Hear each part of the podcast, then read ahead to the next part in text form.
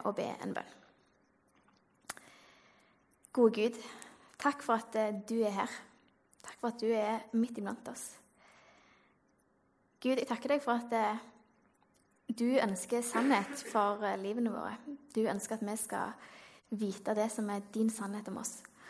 Og Herre, jeg ber om at du må vise oss i kveld hva som er din gode vilje for livene våre, og at du må tale til våre hjerter. Amen. Ja, i høst så har vi altså, helt siden oppstarten i august, kan jeg vel nesten si, begynt å sette et spesielt fokus på det å nå nye mennesker for Jesus. At nye mennesker skal bli kjent med han. Og vi har begynt å utfordre på å be for en person som vi på sikt skal invitere til å være med i kirka. Og dette er et ganske utfordrende fokus. Det er det ingen tvil om. Og det er nok en del som har sagt at å, dette er litt skummelt. Ganske utfordrende. Nesten litt ubehagelig kanskje innimellom. Og jeg må jo bare si at jeg er helt enig. Jeg kjenner meg veldig igjen. For dette her er ikke en sånn utfordring som først og fremst vi som står her, oi, gir til dere. Men det er en utfordring som vi stiller til oss alle sammen. Hører dere meg greit? Nå er det bra? Veldig bra. Dette er en utfordring som er skummel, rett og slett. Og Jeg skal ikke snakke på vegne av noen andre, men jeg syns det er utfordrende å tenke på å skulle invitere mine ikke-kristne venner til kirka. For hva kommer de til å tenke? Kommer de til å synes jeg er rar? Kommer de til å synes at jeg er litt pågående? Og hva kommer de si hvis jeg spør? Og tenk om de faktisk sier ja når jeg spør dem. Da dukker det opp et helt sett med andre nye spørsmål. For hvem er det som skal lede lovsang? Hva sanger er det de skal bruke? Jeg håper de bruker den, den, den sangen. Og jeg lurer på hvem det er som skal tale, og jeg håper ikke vi skal snakke om det. Jeg lurer på hvem andre som er der. Og jeg håper at det er noen som de finner tonen med, at de har felles interesser med noen. Jeg håper at det er noen som ser dem, og som hilser på dem og sier 'Hei, det har jeg ikke sett før' uten at jeg trenger å introdusere dem som eh, den nye. For de som eh, går på formiddagen, så tenker de gjerne på om, eh, om ungene kommer til å trives på søndagsskolen. Om det skal oppleves greit. Eller kanskje bare sånn helt praktiske ting som jeg håper de finner en grei parkeringsplass. Det er mange ting som dukker opp. Og det er jo helt naturlige tanker. Og først og fremst kjempeflotte tanker. For det viser jo bare at vi er interessert i at de som vi har med oss, skal trives. At de skal få en god opplevelse av å komme her. Og det er jo det aller beste utgangspunktet for at de skal komme. Det er det ingen tvil om. Vi er imidlertid ikke bare opptatt av at folk skal trives når de kommer her. Vi er òg opptatt av at de skal møte Jesus. At de skal bli kjent med han. At de skal finne ut mer av hvem han er. Og det som driver ønsket vårt om å invitere nye mennesker til kirka, det er jo det ønsket om at de skal få oppleve det som vi har fått opplevd. Om at de skal få bli forandra sånn som vi har blitt forandra. Vi ønsker at folk skal ha det godt når de kommer her. At de skal oppleve at de er sett, at de blir forstått. At dette er en plass hvor de finner legedom, kanskje. At de finner et fellesskap. Og det er et felles ønske for alle oss som er her. Ehm, men for at det skal være mulig, så trenger vi at flere enn bare de som står her, er med og bidrar. Vi trenger at hver enkelt av oss er med og bidrar, sånn at når folk kommer her, så får de et møte med en levende Gud som elsker dem. Som har sendt sin sønn for å dø for dem, sånn at vi skal få være sammen. Som en Gud som bare ønsker det aller beste for oss, og som ønsker at vi skal leve fulle og hele liv. Og jeg lover dere at staben, eh, alle som er i forskjellige styrer og stell og sånne ting, skal gjøre sitt aller ytterste for at dette er en plass dere kan kjenne dere stolt av å ta med folk. Vi tror det at en av de beste måtene vi kan ære Gud med det som vi gjør her, det er å sørge for at det vi holder på med, preger kvalitet. At ting er gjennomtenkt. Men det i seg sjøl er ikke nok. Hvis dette skal være en plass hvor folk møter Jesus, så trenger vi at alle deler av menigheten er med og deltar, inviterer, bidrar og gjør dette til en spesiell plass. Vi har kalt denne talen for 'Bryt med misforståelsene'. Og Målet med den talen er ganske enkelt å overbevise dere om å være med i en tjeneste. Så enkelt og utilslørt, og ganske rett på sak. Jeg skal innrømme det. Så hvis du er ny her, så må jeg jo bare si det er helt greit hvis du ikke har lyst til å ta stilling til dette akkurat nå. Men du kan jo høre etter likevel. Og du kan høre på det vi snakker om, og tenke hm, er dette en sånn menighet som jeg har lyst til å gå i? Er dette en sånn plass jeg vil at skal være mitt hjem? Og Hvis du går i en annen menighet og har ditt hjem der, så har jeg eh, ingen eh, ambisjoner om å kapre deg til Misjonskirka. Men dette er like fullt et budskap til deg. For dette er noe som er felles for alle kristne. Så ta det med deg, ta det med hjem, og engasjer deg der som du hører til. Yes. Så med det så tar vi fatt på noen av disse misforståelsene, som det sikkert er noen som sitter og lurer på hva det handler om. Ifølge ordboka så er en misforståelse skal vi se, der når en har en feil oppfatning eller forståelse av egentlig hva som helst. Men veldig ofte så fører misforståelser til at vi tar eh, avgjørelser på feil grunnlag, og at vi unngår eller går glipp av ting. Jeg skal gi dere noen eksempler. Eh, for noen år siden så var jeg med i ei bilulykke. Og I den forbindelse så var det ganske mange ting som måtte ordnes med forsikringsselskapet i etterkant. Og jeg grudde meg så voldsomt til å ta kontakt med forsikringsselskapet. For jeg var helt sikker på at de bare kom til å være sure på meg, for jeg hadde jo krasjet en bil. Og jeg var helt overbevist om at de kom til å være skikkelig gniene og ikke ville betale ut noen ting. Og at det skulle være en stor prøvelse å eh, være i kontakt med de. Så etter langt og lenge og lenger enn langt så endte det jo med at jeg tok kontakt og tok en telefon. Og til min store forbauselse så var det jo et hyggelig menneske som møtte meg i telefonen. En hyggelig mann som sa at ja, men dette ordner vi. Bare send en liste med, med utgifter og kvitteringer og sånne ting, så går det helt fint. Ikke nok med det, han tok også kontakt flere ganger i etterkant for å høre om ja, er det dukket opp noen flere uh, utgifter. Hvordan går dette her? Skal vi lukke saken etter hvert? Sånne ting. Og for meg så var det en sånn ting som ble en utrolig hjelp i den situasjonen.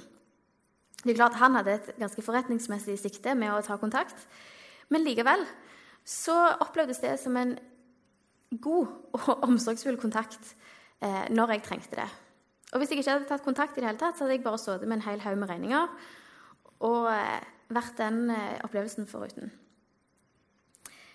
En annen misforståelse som det kan oppstå, det er i forhold til dette her. For de av dere som ikke ser hva det er, så er det altså kumler. Og um, når en ser de sånn som dette, så kan en jo forstå at dette muligens er noe som det kan oppstå misforståelser om. Litt sånn smågrå, klissete, rare i formen. De som har smakt de eller kjent på de, vet at de har en litt sånn rar konsistens. skal innrømme det. Så det er jo ikke så rart at de som ikke tør å smake, har fått den feil oppfattelsen at kumler er noe vondt. Vi som vet bedre, vi vet jo at det er jo bare den mest fantastiske matretten i hele verden. Og at de som ikke tør å smake, de går virkelig glipp av en fantastisk opplevelse.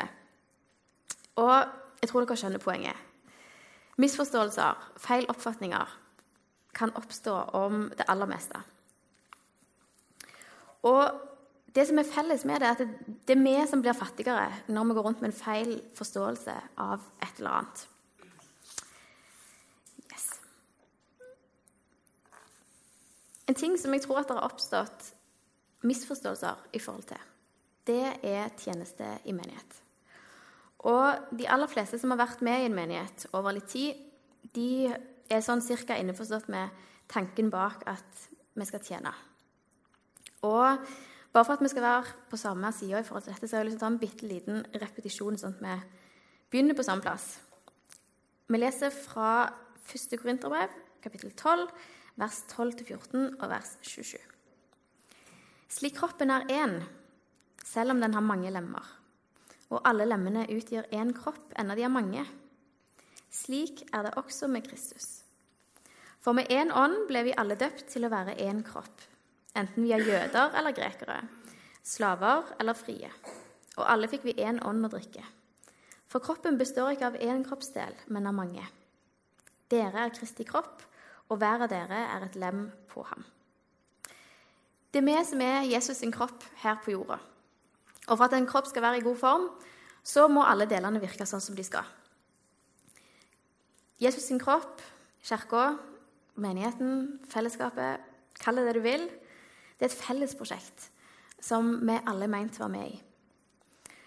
Og jeg tror at det har oppstått noen misforståelser i forhold til dette som hindrer mennesker fra å oppleve hensikt, og fra å oppleve at, eh, at de får gå inn i det potensialet som Gud har skapt dem til. Jeg tror at vi alle som mennesker ønsker å gjøre en forskjell i omgivelsene våre.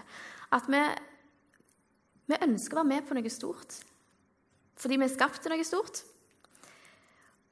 Og Gud han har den større historien som han ønsker å invitere oss inn i. Så med det, la oss ta en liten titt på disse misforståelsene. Nummer én dere trenger meg ikke. Nummer to jeg er ikke god nok. Og nummer tre jeg kan ikke nok. Jeg tror at dette er noe som hindrer mange mennesker. Og jeg er her nå for å ganske enkelt fortelle dere at de er helt feil. Det er en misforståelse, en feil oppfatning. Og jeg syns det er på tide at vi tydelig og klart sier fra sånn på ordentlig fra scenen offisielt at vi trenger deg.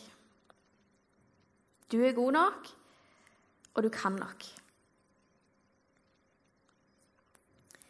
Gud ønsker å bruke hver enkelt av oss med akkurat det utgangspunktet som vi har, til å utrette noe for Hans rike.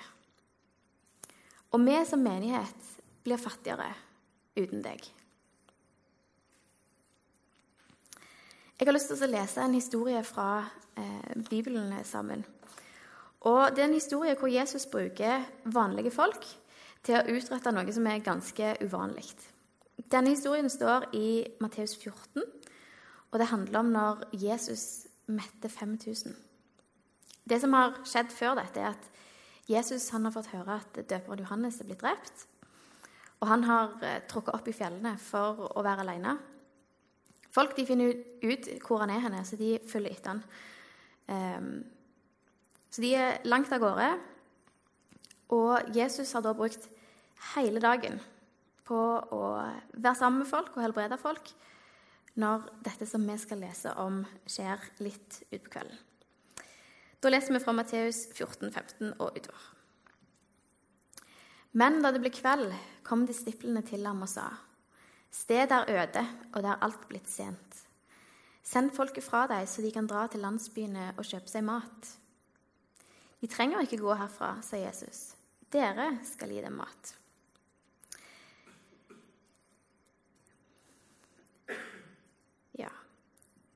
Så kommer det ett vers til som jeg tydeligvis har glemt å få med. Men vi har bare fem brød og to fisker her, svarte de. Tar vi ett tilbake. Yes. For det skjer noe her som det er verdt å bite seg merke i. For disiplene de vet like godt som Jesus og alle de andre som har vært der, at nå har de vært der hele dagen. De har ikke mat, de er sultne, det er langt på kvelden, det er langt til nærmeste landsby. De vet nå trenger vi mat. Så når, eh, når Jesus sier til dem at eh, dere skal gi dem mat, så protesterer de ikke på det behovet som er der. Det er helt opplagt at her trengs det mat. Problemet til disiplene er at de skjønner ikke hvordan de skal få gitt disse folka mat. Jesus derimot, han virker ikke egentlig så opptatt av hvor mye de har. Og han har en plan, og han, eh, han virker ikke som han egentlig er helt avhengig av at disiplene henger med på notene før han setter i gang. Han sier ganske enkelt til dem, som vi hører i vers 18.: Bring det, altså fisken og brødet, brødene, hit til meg. Så ba han folket sette seg ned i gresset, og han tok de fem brødene og de to fiskene, løftet blikket mot himmelen og ba takkebønnen. Deretter brøt han brødene og ga til disiplene. På dette tidspunktet så tror jeg at Du tar ett tilbake. Takk. På dette tidspunktet så tror jeg at stemningen kan skjæres med kniv. Jesus han har vært der hele dagen. Han har holdt på og eh, gjort under, helbreda folk. Jeg tipper at når folk får beskjed om å sette seg ned, så tenker de yes, nå kommer liksom den store finalen på denne fantastiske dagen hvor han har helbreda og hjulpet masse, masse, masse folk. Og jeg tror at disiplene de følger litt sånn ekstra med på det som han holder på med. De har skjønt at hvis det ikke kommer noe mat på bordet her snart, så blir ikke dette en veldig trivelig plass å være. Jeg eh, vet ikke hvordan det er med dere, men jeg kan bli litt sur hvis jeg ikke får mat. Jeg har tenkt meg 5000 sure folk pluss damer og unger er eh, ikke akkurat et drømmescenario for noen. Så disiplene de følger ekstra godt med når eh, Jesus tar disse fiskene og disse brødene og skal be for dem. Han eh, ber takkebønnen, og når han er ferdig, så har det ikke skjedd noen ting. Disiplene står bare og ser og tenker Oi, hva gjør vi nå? Det skjedde jo ingenting. Jeg tipper de fikk litt panikk. Det tror jeg jeg hadde fått. Så der står de med hendene sine. Jesus deler ut til dem. Jeg ser for meg at de står med ryggen til folkene og står og ser på Jesus. Så tenker de Ja, dette blir gøy. Jesus han har jo naturlig nok en plan, han vet hva som skal skje, så han liksom bare husjer det litt av gårde og sier 'Kom an, må dere gå'. Og eh, det er da vi leser videre i teksten. og står det som dette. Og disiplene delte ut til folket. Og alle spiste og ble mette. Etterpå samlet de opp stykkene som var til overs, tolv kurver fulle. De som hadde spist, var omkring 5000 menn, utenom kvinner og barn. Jeg tipper at disiplene var ganske letta. Eh, ganske glad for at dette ordna seg på en grei måte, og at de slapp å stå ansvarlig for 5000 pluss, pluss, pluss sultne, gretne folk. Og det ligger et prinsipp i denne historien som er utrolig viktig. Og Hvis det er én ting jeg håper at dere får ut av den talen, så er det dette ene prinsippet.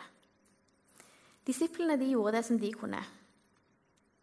Og så gjorde Gud det som bare han kan gjøre.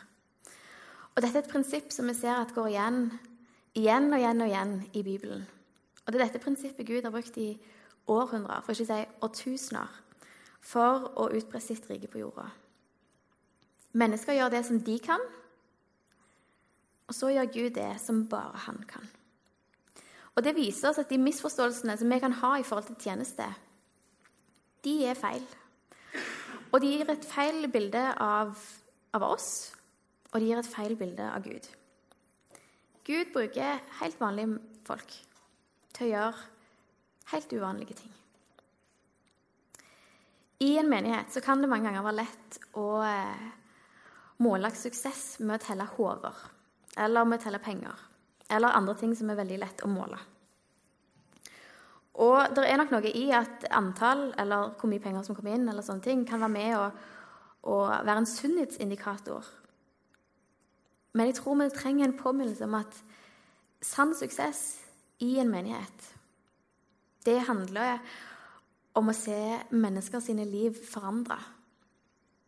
Det handler om at Gud griper inn og gjør det som bare han kan. Det er de tingene vi skal feire. Det er de tingene vi gleder oss over. Og jeg tror at vi har ting å feire hver eneste uke.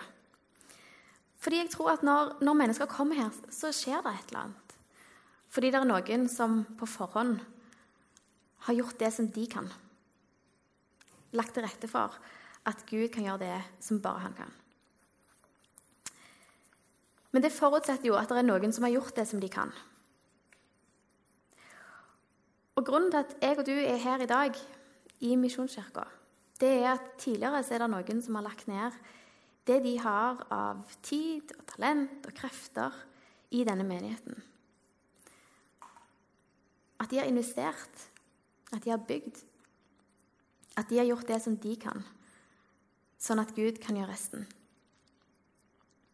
Du er sannsynligvis en kristen i dag fordi det var noen som gjorde det som de kunne.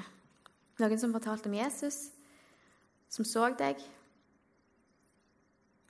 som møtte deg når du trengte det, og som gjorde det som de kunne, sånn at Gud skulle gjøre det som han kan. Og det er det jeg har lyst til å be dere om i dag. Vil du være med og gjøre det som du kan? Du er vår aller viktigste ressurs for å nå nye mennesker med evangeliet om Jesus. Og vi trenger deg. Vi er fattigere uten deg. Ting er ikke sånn som de er meint å være uten deg. Og eh, du er god nok. Og det handler ikke først og fremst om hvor mye vi kan i utgangspunktet, men det handler om at vi er villige. At vi sier 'Her er jeg'. Nå er jeg klar. Så da er spørsmålet har du lyst til å bli med i en tjeneste. Har du lyst til å bidra på et område hvor, eh, hvor du kjenner at det har jeg lyst til å gjøre? Bidra til at dette blir en en god plass å ta med nye mennesker. Vi trenger folk som er villige til å bruke tida si og talentet sitt eh, til å gjøre denne kirka til det som jeg tror at Gud har tenkt at den skal være. Og vi lever alle travle liv hvor det å skulle være med på nye ting, det krever at vi prioriterer. Um, men jeg har bare lyst til å be dere om å ikke la tidsklemma være det som setter en stopper for at du er med og tjenestegjør. Det finnes mange forskjellige typer tjenester. Noen hvor en møtes eller er med og tjenestegjør ofte. Andre hvor det er litt mer spredt utover. Noen kanskje litt mer sånn på oppdragsbasis. Hvis du har lyst til å tjene, så ønsker vi å gjøre vårt aller ytterste for å finne en plass hvor du kan gjøre nettopp det. Eh, sammen med den eh, ene lappen som dere fikk i dag. Så fikk dere en annen lapp. Dere fikk to lapper når dere kom inn.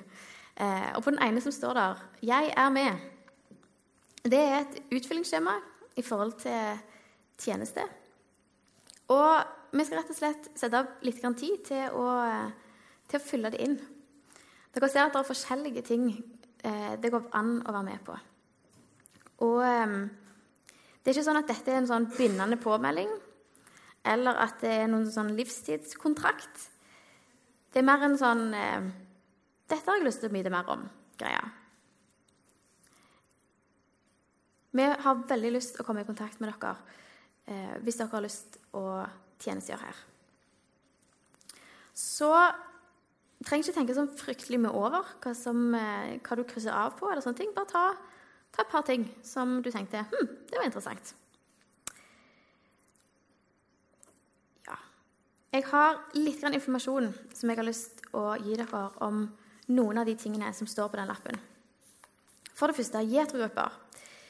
Og som dere ser, så står det på lappen at dette er noe som er for alle. Og det tror jeg virkelig. Det er de gruppene som har ansvar for å ta seg av litt sånn praktiske ting i forbindelse med bygget her og i forbindelse med gudstjeneste. Som eh, har renhold av bygget, som er med og ordner til kirkekaffe og som gjør noen andre praktiske oppgaver i forbindelse med gudstjenesten. Og dette er utrolig viktige oppgaver for at eh, ting skal gå rundt, rett og slett. Eh, det er sikkert flere enn meg som setter utrolig pris på at det er gode ting ute i kafeen eh, når møtet er ferdig. Ja? Nei. Jo, sant? Og det er en sånn ting, en liten ting kanskje, som er med og bidrar til at det, dette kan være en god plass å ta med folk. Um, vi ønsker å få gang på 14 grupper uh, som gjør at uh, de forskjellige gruppene har tjeneste ca. fire ganger i løpet av ett år. Så rett i uh, nest, Sånn cirka rett i underkant av tre ganger. Eller to ganger i løpet av et, eh, et semester. Det tror jeg at de aller fleste av oss har tid til. Hvis vi vil. En annen ting som står på denne lappen, det er barnearbeid. Og vi er så heldige her i menigheten at det kommer utrolig masse unger på søndagsskolen på formiddagsmøtet. De siste åra har det vært en tre, nesten firedobling av antall unger i de minste gruppene. Og Det betyr at vi etter hvert vil få eh, en stor og spennende oppgave med å ha et godt opplegg for disse ungene når de blir litt eldre. Og Akkurat nå så er det et spesielt behov for ledere for tigrene, som er 9-12 år. Eh, som er litt for store for barnearbeid og litt for unge for eh, ungdomsarbeid. I desember, begynnelsen av desember så starta det opp et eget tilbud for de, de såkalte tweensa, eh, som skal møtes på fredagene. Og de trenger ledere. De trenger folk som har lyst å investere i dem, som har lyst til å se dem, som har lyst til å bare være sammen med dem, som kan være med og eh, hjelpe til praktisk. Alle ting som der eh, trengs i forhold til det å skulle møte dem på en god måte. Um, igjen i forhold til tidsbruk, det er fleksibelt. Kanskje du kan være med én gang i måneden, to ganger i måneden. Her er det mulig å ha en samtale og finne ut av ting etter hvert. På den andre sida av aldersskalaen så har de eldre her i menigheten noe som heter formiddagstreffet. Og En del av de som går på formiddagstreffet, de begynner nå å bli såpass opp i åra at det er vanskelig for dem å stelle til treffene sine på egen hånd. Og Derfor så har de eh, måttet redusert hvor mange ganger de treffes, fra to ganger i måneden til én gang i måneden. Og jeg syns det hadde vært så utrolig kult hvis det var noen her fra KU som hadde sagt ja, ja, men jeg har jo en formiddag en gang i måneden til å sette på litt kaffe og sette fram noen greier for noen gamle damer, sånn at de kan komme, at de kan treffe sine venner. At de kan få sitt kveldsmøte, hvis dere skjønner hva jeg mener. At de får, eh, de får muligheten til å møtes i sin setting. Og at vi kan være med og ta vare på dem og bidra til at det dette er en god plass for dem å være. Den 8. desember så skal eh, formiddagstreffet arrangere eldretreff. Eller eldrefest. Unnskyld. Eldrefest. Og I den forbindelse så trenger de noen servitører og folk som kan hjelpe til med litt praktiske oppgaver. Og Jeg har lyst til å utfordre dere spesielt i forhold til det. Det er, en, det er formiddagen, er det ikke det? Eller jo, en formiddag, lørdags formiddag, til å være med og hjelpe og stelle i stand, sånn at de kan kose seg, at de kan komme til dekka bord, og at de bare kan få lov å være en plass Eh, jeg skulle hilse fra Inger, som er eldrepastor, og si at dette er den mest gylne anledningen dere noen gang kommer til å få til å få et helt drøss med åndelige besteforeldre som er med og ber for dere og heier på dere. Og jeg har bare lyst til å si grip anledningen.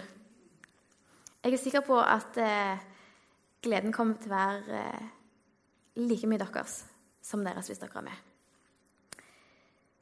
Yes. Da nærmer jeg meg en avslutning. Og jeg håper at dere tar dere tid til å fylle ut de skjemaene som, eh, som dere har fått. Um, leverer det enten til meg eller til Thomas, eller så um, er det en boks ute i foajeen hvor dere kan uh, legge de oppi. Og må bare understreke igjen, dette er ikke noen sånn her veldig på, altså bindende påmelding, men det er bare en sånn Ja, jeg kunne kanskje tenke meg. Og så snakker vi sammen, og så finner vi ut av det. Men gjør det. Ta det første skrittet. For jeg tror at du vil ha så utrolig mye til gode. Du vil få så mye bra tilbake igjen for å være med. Og det er kanskje en litt sånn ting som føles som en sånn byrdeting i begynnelsen, men det kan fort vise seg å være ditt største privilegium å få være med på dette. Tenk så kult hvis du hadde plutselig bare oppdaga din lidenskap i Guds rike gjennom at du bare sånn tilfeldig krysset av litt på en lapp og leverte den inn. Jeg tror at Gud har så utrolig mye bra for oss. Så utrolig gode tanker for oss. Um, og det å være i tjeneste er en, eh, en måte å nærme seg det på. Yes. Da har jeg lyst å, å avslutte med en bønn.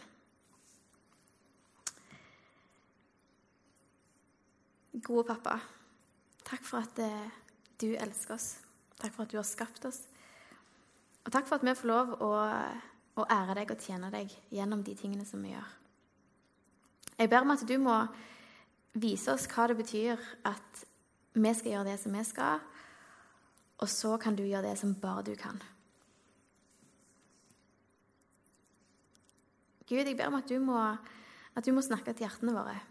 At du må minne oss på de tingene som eh, du ønsker at, eh, at vi skal prøve. Og Gud, jeg bare ber om at, eh, at du skal ja, legge en ny lidenskap i oss. At vi skal få oppdage de tingene som du har skapt oss til. De tingene som du ønsker at vi skal være med og bidra til i forhold til menigheten. Takk, Gud, for at det, vi er ikke hele med mindre alle er med. Takk for at vi trenger hverandre. Og hjelp oss å huske på at, det, at vi hører sammen. Hjelp oss å løfte hverandre opp, oppmuntre hverandre og hjelpe hverandre å finne ut av hvordan dette her fungerer i praksis. Jeg ber ditt navn.